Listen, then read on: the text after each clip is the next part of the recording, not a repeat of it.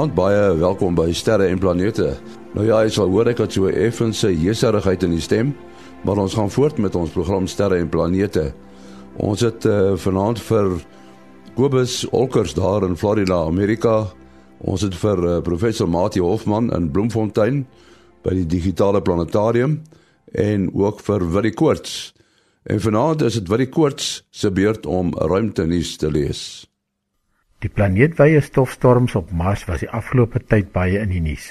Die storm het intussen bedaar sodat oppervlakkenmerke nou weer begin sigbaar raak in teleskope. Wetenskaplikes van die Johns Hopkins Universiteit in Amerika glo hulle die grootste bron van stof op die planeet geïdentifiseer. Naby die ewenaar is daar 'n lappies kombers van uitgestrekte vlaktes ongeveer 1.5 maal die grootte van Suid-Afrika, bekend as die Madhya Fossa formasie of MFF, geleë tussen Olympus Mons, die grootste vulkaan in die sonnestelsel, en Gale Crater, waar die Curiosity rover geland het. Studies dui daarop dat hierdie gebied uit 'n baie dik kombers van uiters fyn stof bestaan. Dit was heel waarskynlik die gevolg van 'n uitbarsting van 'n supervulkaan ongeveer 3 miljard jaar gelede. Data versamel deur die Marskarretjies bereken dat as al hierdie stof eweredig oor die hele planeet versprei sou word, sou dit die oppervlak 4 meter dik kon bedek. 'n Span Europese sterrekundiges, bekend as die Gravity Collaboration, verbonde aan ESO, die European Southern Observatory, kon nou onlangs weer bevestig dat Einstein reg was. Hulle het 'n ster waargeneem wat so naby as 20 miljard kilometer van 'n gravitasiekolk gaan draai het. Hulle kon die snelheid van die ster meet wat op daardie stadium meer as 25 miljoen kilometer per uur beweeg het rondom die onsigbare massa van die gravitasiekok. Hulle waarnemings stem presies ooreen met wat Einstein se spesiale relativiteitsteorie meer as 'n eeu gelede voorspel het. Hul navorsingsprogram strek reeds 26 jaar en hierdie was die tweede geleentheid waarin hulle die ster so naby sien verby beweeg het. Sedert die eerste keer het instrumentasie soveel verbeter sodat hulle die akkuraatste waarnemings ooit kon doen. Dit was Willie Koorts wat uh, die ruimtenuus geskryf en gelees het. Nou ja, soos ek gesê het, uh, ons het ons drie spanlede vanaand. Ehm um, Kobus begin gewoonlik met uh, ruimte weer nuus. Is daar enige iets opspraakwekkends Kobus? Nik op niks opspraakwekkends nie en die goeie naand en die goeie naand almal.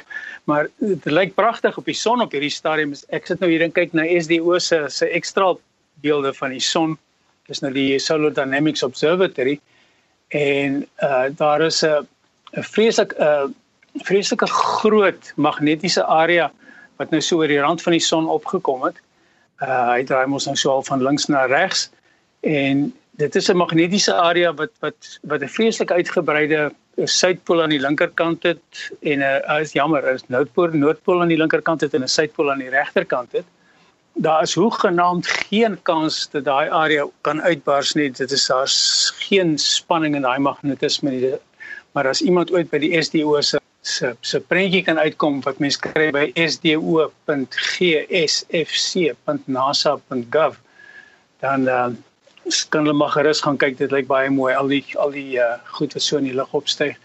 Dan die ander ding wat ons wat ons baie goed raak sien is ons sien 'n baie groot koronagat op die noordpool van die son, baie groot tipe van ding wat mense verwag nou met son minimum waar hierdie uh, kroon koronagat baie groot en dan natuurlik nou so net onder die koronagat waar die waar die polariteit nou so effens verander kry ons dan nou kry ons dan nou weer 'n redelike groot filament en net soos wat ons ook nou nog een of twee van hulle op die op die oppervlakte van die son sien en maar nie een van hulle lyk asof hulle vreeslik stres ervaar nie. So ek glo nie ons kan enige enigstens verwag dat hulle gaan opstyg of platval nie. En dan wat koronagate self aanbetref is daar 'n paar kleintjies wat nou na die aarde se kant toe wys en ons uh, amateur radiomense uh sal seker van hulle bewus wees maar dit gaan bitter min verskil maak aan hulle frekwensies ons het dus geen probleme wat elektrisiteit en GPS en die soort van goed hierdie week uh, wat ons kan verwag nie. Maar uh, so van die son gepraat, ons moet 'n uh, bietjie kyk wat dan gaan met met met die Parker satelliet. Uh, wat weet jy daarvan uh, Kobus? Jong, dit is daarom nou vir jou hier 'n satelliet wat skrik van niks om dit nou 'n goeie Afrikaans te stel. Hierdie affære, hy gaan eers 'n baie interessante uh klomp wentelbane maak om nou al nader en nader aan die son te kom. Hy vlieg naby aan aan Venus verby om so 'n bietjie spoed op te tel en om en om sy uh wentelbaan so 'n bietjie te verander, sy traject so 'n bietjie te verander dat hy al nader en nader aan die son kom en hy gaan dit oor die volgende klomp jare uh volgende 7 jaar gaan hy al nader aan die son kom elke keer met so Venus uh hupstootjie wat hy kry. En as hy nou uiteindelik op die naaste aan die uh, op sy naaste aan die son kom, dan gaan hy maar net omtrent 5 miljoen net oor die 5 na 6 miljoen kilometer van die son af wees en dit is klink miskien ver maar dit is bitter naby. Dit is om die waarheid te sê binne in die son se korona waar dinge verskriklik warm is. Ehm um, die uh, partikeltemperatuur daar is 1.5 miljoen grade. Uh gelukkig is die dit is dit nie heeltemal die temperatuur wat die wat die satelliet gaan ervaar nie. Hy sal omtrent 1500 na 1700 grade temperature ervaar op daai afstand van die son af as gevolg van direkte straling. Uh, ons kan eendag gesels oor die verskil tussen partikeltemperature en direkte straling, die direkte straling is nou die soort van ding wat wat wat ons kan nou voel op ons lywe. Uh, ons ons dis dis 'n temperatuur wat jy kan meet. Dis nou en 1700 is heeltemal warm genoeg om moeilikheid te maak. En om dit nou te verhoed het hulle 'n vreeslike interessante koolstof uh komposisie uh skild voor die voor die ding gebou. Die skild gaan heeltyd na die son se kant toe wys. Ehm um, hy is so omtrent 12 cent uh ja, omtrent 12 cm dik 4.5 duim in in in Engels. En hy keer nou die son af en daar's 'n hele komplekse afkoelstelsel en so aan en dit die ding gaan so werk as alles nou goed goed uh verloop dan sal die uh, temperatuur by die instrumente van die satelliet sal omtrent kamertemperatuur wees hier by ons 20 grade Celsius terwyl die uh daai skild by 1700 gaan sit.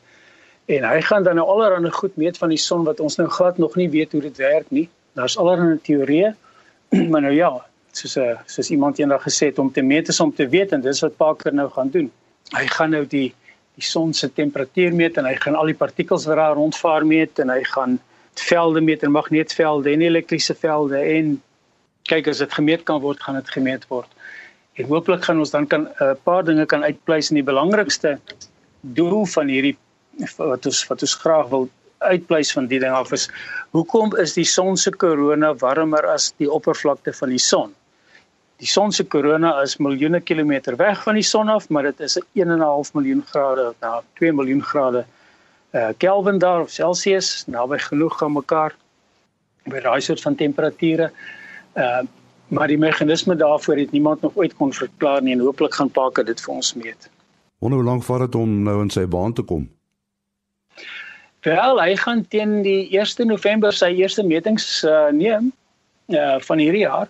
Hy uh, gaan al dan al by by Venus verby wees en hy gaan op op op 1 November 2018 gaan hy by sy eerste perihelion wees. Ek kan nou nie vir jou sê presies hoe naby aan die son op daai stadium gaan wees nie, maar dit gaan nog 'n hele eind weg wees dit gaan eers oor 7 jaar van van verbyvlieg en verbyvlieg en verbyvlieg by uh uh by Venus wat hy al nader en nader aan die son gaan kom tot by sy finale ene hier uh 7 en 'n half jaar van nou af. Ja. Kobus gaan sy baan baie uh ellipties wees. Ek kyk probeer nou vinnig hier dink hulle praat van uh 24 omwentelinge oor 'n tydperk van 7 jaar. So hy het 'n redelike vir 'n voorwerp wat baie naby aan die son kom, het hy 'n redelike lang periode. Uh, so dit uh, klink net vir my of dit dan taamlik 'n uh, elliptiese baan moet wees dat hy tot naby en dan ver. Hy sal ellipties wees, maar hy gaan nie hiperellipties wees soos party van hierdie uh satelliete wat ons lanseer om om te probeer uh jy weet as as as die ouens nou nie 'n geostasionêre satelliet kan kan gelanseer kry nie, dan sit hulle baie keer in die goed in so 'n hiperelliptiese baan dat hy vir 'n lang tyd daar by sy punt gaan sit en en lyk asof hy asof hy stil staan relatief tot ons. Hy gaan nou nie so hiperelliptiese baan hê nie, maar hy sal redelik ellipties wees. Ja. Uh, maar dit is dit is 'n baie goed beplande en ek dink die ouens wat hier wat hier uh wentel uh baan se trajecte uitgewerk het, het nogal hulle stories baie goed geken. Die 6 miljoen kilometer of 'n uh, paar miljoen kilometer wat jy nou gesê het hy vanaf die son kom, Dit mens moet dit nou vergelyk met die deursnee van die van die son as jy nou vir jou diagram gaan voorstel, die son se deursnee is amper 1.5 uh, miljoen kilometer. Uh so dit is maar so uh, 3 maal 4 maal verder weg van die son as wat die son se deursnee is.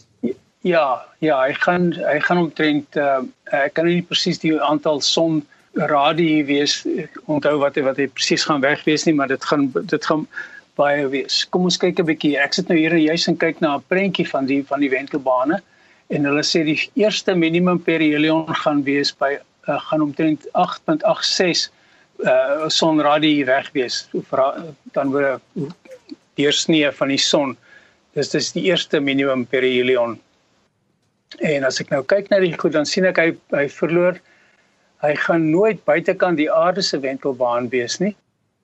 En dit is eintlik 'n redelike breë ellips. Ehm um, meeste van hulle gaan hy gaan hy in gaan hy nader aan Venus se wentelbaan om die aarde wees as wat hy gaan wees. Uiteindelik gaan hy rond aan uh, onderkant uh, Mercurius se wentelbaan wees. Dit lyk vir my hy's uh, ja nee, hy gaan glad nie vreeslik vreeslik ellipties raak nie. Ja, iets wat jy ook nou gesê het van die eerste wetenskapdata wanneer dit verwag word.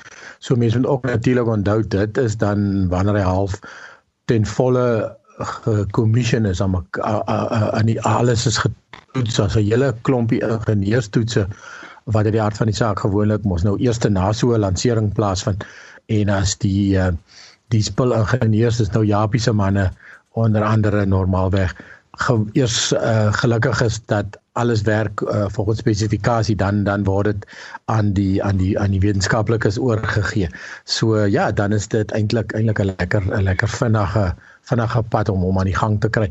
In die hart van die saak moet 'n mens van hierdie omwentelinge gebruik maak en dan ook dan die naby draai aan die son uh soveel as moontlik. So 'n mens kan dink dat daar aan die begin 'n bietjie uh, hulle gaan deel die tyd opdeel tussen ingenieurstoetse en dan wetenskaptoetse totdat alles gekwalifiseer is en alles werk lekker. Ja, ek het net ek het 'n uh, bietjie vroeër vanoggend gekyk na die na die uh hoe hulle die hulle tyd gaan spandeer rondom hom. Hy gaan tipies uh vir uh, vir vir 11 dae of so in perihelion wees. Dan word hy naby aan die son wees wat hy gaan nou wetenskap metings kan doen. En omdat die die spoed waarteen hy waarteen die data terugkom nie nie te wat wonders hoog is nie. Uh gaan hulle dan nou al die data opneem terwyl hy naby aan die son is en dan in die tyd wat hy nou weggaan van die van die son af. Ehm uh, dan gaan hulle dit net teen 'n teen 'n teen 'n stadiger spoed terugstuur en dan natuurlik al die wetenskapdata terugkry. En ek sê kyk nou hier na na datums, die eerste Venus flyby, dit is nou sy die eerste keer by Venus verbygaan gaan op die 2de Oktober wees teen uh kwart voor 8 die aand van ons tyd hier in hier in uh, Florida en sy eerste perihelion gaan wees ek was verkeerd dit was nie die 1 November nie dis die 5de November van hierdie jaar en dit gaan half 2 die middag wees ook ons tyd. Miskien so, hy gaan baie baie vinnig begin begin produksie doen. En uh, miskien moet jy net verduidelik weer wat bedoel jy met perihelion? Perihelion as 'n mens nou gaan kyk na 'n ding wat wat wat wentel. Soos uh, Martin en, en wil jy net nou gesê hierdie hierdie goed uh, wentel teen nou dis bitter min wat jy wat ek dink teen met 'n perfekte sirkel rondom enige iets uh, beweeg. Ehm um, ek dink ons maan doen dit min of meer, maar dis omtrent die enigste ding wat ek van weet. Uh enige ander satelliet uh meeste ander satelliete in die algemene geval beweeg met ellipse. en die so ellips het as ons nou reg onthou van ons skooldae af het 'n ding wat ons 'n fokus noem.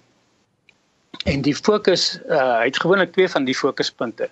As as dit 'n perfekte sirkel is, is die twee fokuspunte bo op mekaar en dis die middelpunt van die sirkel.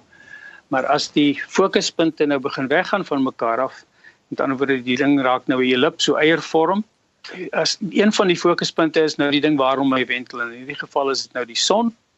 Uh wanneer hierdie ding beweeg dan dan kom hy gewoonlik as 'n mens nou kyk na 'n uh, 'n animasie daarvan, sien jy sien hy gaan vreeslik vinnig by die son verby waar hy nou ding is en dan dan raak hy so al stadiger en stadiger en stadiger en dan gaan hy ver ver op die ellips tot tot aan die kant die die uh, die omwent die wentelbaan van Venus en dan kom hy weer so stadig terug uh tot hy weer by die son kom en elke keer as hy so op sy naaste aan die son is daai punt noem ons die perihelion waar hy die naaste aan die son is. Die son is die is die Helios en hy is die op die naaste aan die son, dis sy perihelion.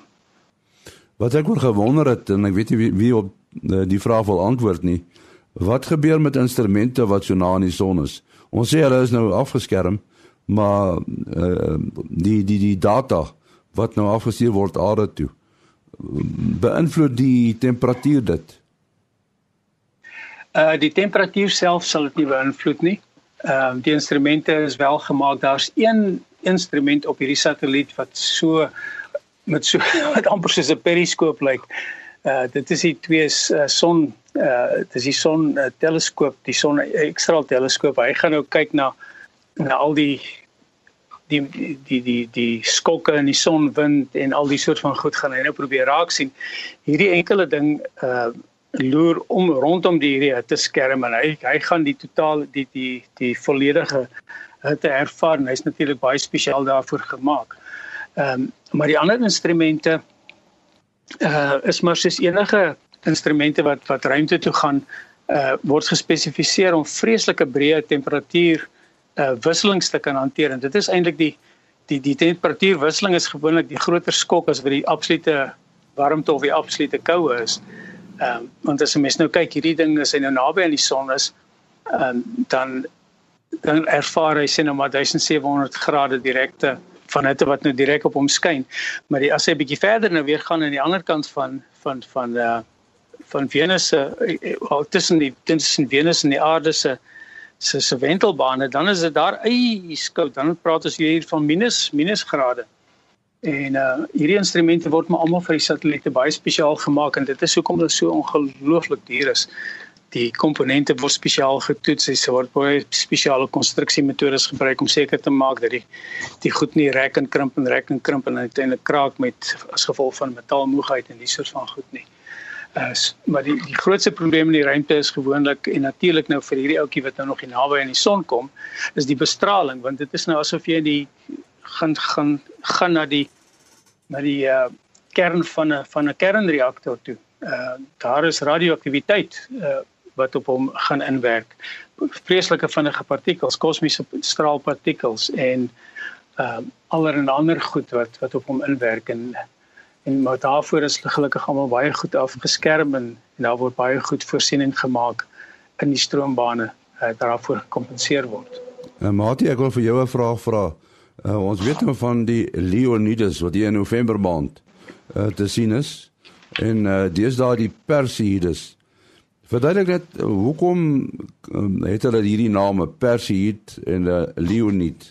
En nie ja, dit is uh, die uh, rigting uh, die konstellasie in watter rigting dit lyk asof die meteore uit daai rigting kom. So as jy nou 'n uh, uh langtydbeligting foto's sou sou neem en die meteore dit gaan dan nou 'n sulke reguit strepe vertoon en jy uh verleng daardie strepe weg van jou af dan lyk dit of hulle bymekaar kom in 'n bepaalde punt in die nag en uh as ons nou byvoorbeeld van die uh, Leonide praat dan is lê daai punt in die leeu konstellasie. Maar natuurlik die die meteore ontstaan almal in die atmosfeer so dit dit het niks te doen met daar waar die sterre van die konstellasie van uh, lê nie. As ons nou na die uh, Perseide uh, lyk wat nou toe vannag uh hulle piek die piek aantal meteore per uur word vir vannag uh, voorspel. Maar ongelukkig vir die suidelike halfrond kom die konstellasie Perseus uh baie uh, hier in die vroeë oggendure hierso uh rondom 3 uur die oggend uh, kom dit op. Dit is nou wel amper donker maan. Uh so andersins vir die noordelike halfrond is dit nou uh baie goeie omstandighede om na hierdie Perseide meteore reën te kyk uh want Perseus is 'n konstellasie wat uh wat baie ver noord van die hemel ewenaar lê. Ehm um, maar vir ons in die suidelike halfrond, mens sal waarskynlik 'n aantal mooi meteore kan sien in die vroeë oggendure. Ehm um, maar ons gaan nou nie aanbeveel dat dit nou 'n hoë prioriteit poging van die mense in die koue winteroggende moet uh, uh, vereis nie die die mense kan ook aan termiese skok blootgestel word soos Kobus nou van van gepraat het. Maar wel, as mens reg aantrek en jy's uh, baie toegewyd, daar's altyd uh, die ernstige amateurs uh wat uh, bydra tot die wetenskap deur hierdie uh, meteore te gaan tel. Jy moet natuurlik sorg dat jy op 'n donker plek is om dit van uh, op verskillende tye van die nag van verskillende plekke uh, af te tel. Uh dra by tot die wetenskap want lank kan hulle daardie uh afval van wat in hierdie geval deur die komeet Swift Tuttle uh, gelaat is. Dit het 'n verspreiding in die ruimte. Hy word dit word mettertyd langs die baan van die uh, komeet versprei en daai baan kom naby die aarde se baan en as die aarde dan in sy baan deur daardie omgewing beweeg, uh, dan het mens nou die meteore reën. Maar omdat dan nou nie baie skerp gedefinieer is in die ruimte nie, uh, sal die totale tydperk van 'n meteore reën nou oor uh, wel sê maklik 2 weke versprei wees, maar daar waar die wanneer hy deur die gebied beweeg waar die afval die digste is, gaan jy dis wanneer hulle nou voorspel jy die maksimum aantal uh maksimum tempo van meteore gaan sien. Ehm uh, maar dit is die voorspelling is nooit heeltemal uh presies nie want die presiese verspreiding van die afval langs daai baan is ook nie be bekend nie. Maar mettertyd hoe meer waarnemings gedoen word uh hoe meer bekend raak dit uh en hoe beter kan hierdie voorspellings gedoen word. Die meteore uh, hulle sê dit is tipies om te spelde kopgrootte uh, gemiddeld wat so helder streep maak Ja, dit is ongelooflik, né? Nee? Uh daar's twee faktore wat 'n rol speel. Uh die een is die uh 'n geweldige hoë energie, 'n hoë spoed waarmee hierdie deeltjies relatief tot die aarde beweeg. En mens sien die helderste meteore juis in die vroeë oggendure want dan is die aarde se beweging wat in die in die ruimte ooswaarts is. Uh dan is dit half soos 'n kop aan kop botsing. Uh so daai relatiewe beweging uh as ons die die, die die relatiewe spoed met uh, die simbool v sou aan uh, aandui, dan word die kinetiese energie gegee deur uh half die helfte van die massa maal die spoed kwadraat. So daai kwadraat van die spoed is wat nou vir jou die hoë energie gee. As jy die spoed uh 10 keer hoër sal maak, dan word die uh energie 100 maal groter. En dan die ander faktor is 'n mens se oog is eintlik nogal sensitief uh, en hy pas by die donkerte aan. So uh, jou oog kan aanpas om nogal taamlike dowwe voorwerpe in die donkerte te kan sien en gelyktydig ook taamlike helder lig te kan absorbeer wat as jy nou met gewone intensiteit werk met orde groottes van mekaar kan verskil. Dit is 'n uh, wat ons nou sê 'n 'n nie-lineêre skaal baie soortgelyk aan hoe die oor werk, nê? 'n Mens kan so net net ehm uh, die die klank van blare hoor wat in die wind te mekaar uh, sou skuur. Uh en dan kan jy ook so net net 'n uh, rockkonsert uh, oorleef. Uh en die uh, die werklike energie van daardie klank is baie orde grootes uitmekaar uit. Baie faktore van 10. Kan dit gebeur dat 'n uh, 'n vuurbal byvoorbeeld ook deel van so so 'n reënbui wil ek amper sê wees? Ja, ja, bepaal. Dit is wat mense baie graag wil sien en uh uh wel die die meeste mense het seker al gelukkig gewees om 'n vuurbal te sien, maar mense sien dit nou ook nie soveel maal in jou lewe nie behalwe as jy spesifiek gaan moeite doen. Dit is nou maar so uh hoe meer me moeite mens doen, uh hoe meer gaan gelukkig gaan jy wees. Dit is nou maar soos ook uh die die die die die in die sport nee of, of as jy golf speel of watter sport ook al, hoe harder jy oefen, hoe harder jy werk, hoe gelukkiger is jy soos wat Gary Player gesê het. Dieselfde geld nou as jy mooi met jou hore reëne wil sien en as jy vuurballe wil sien en ander soort verskynsels.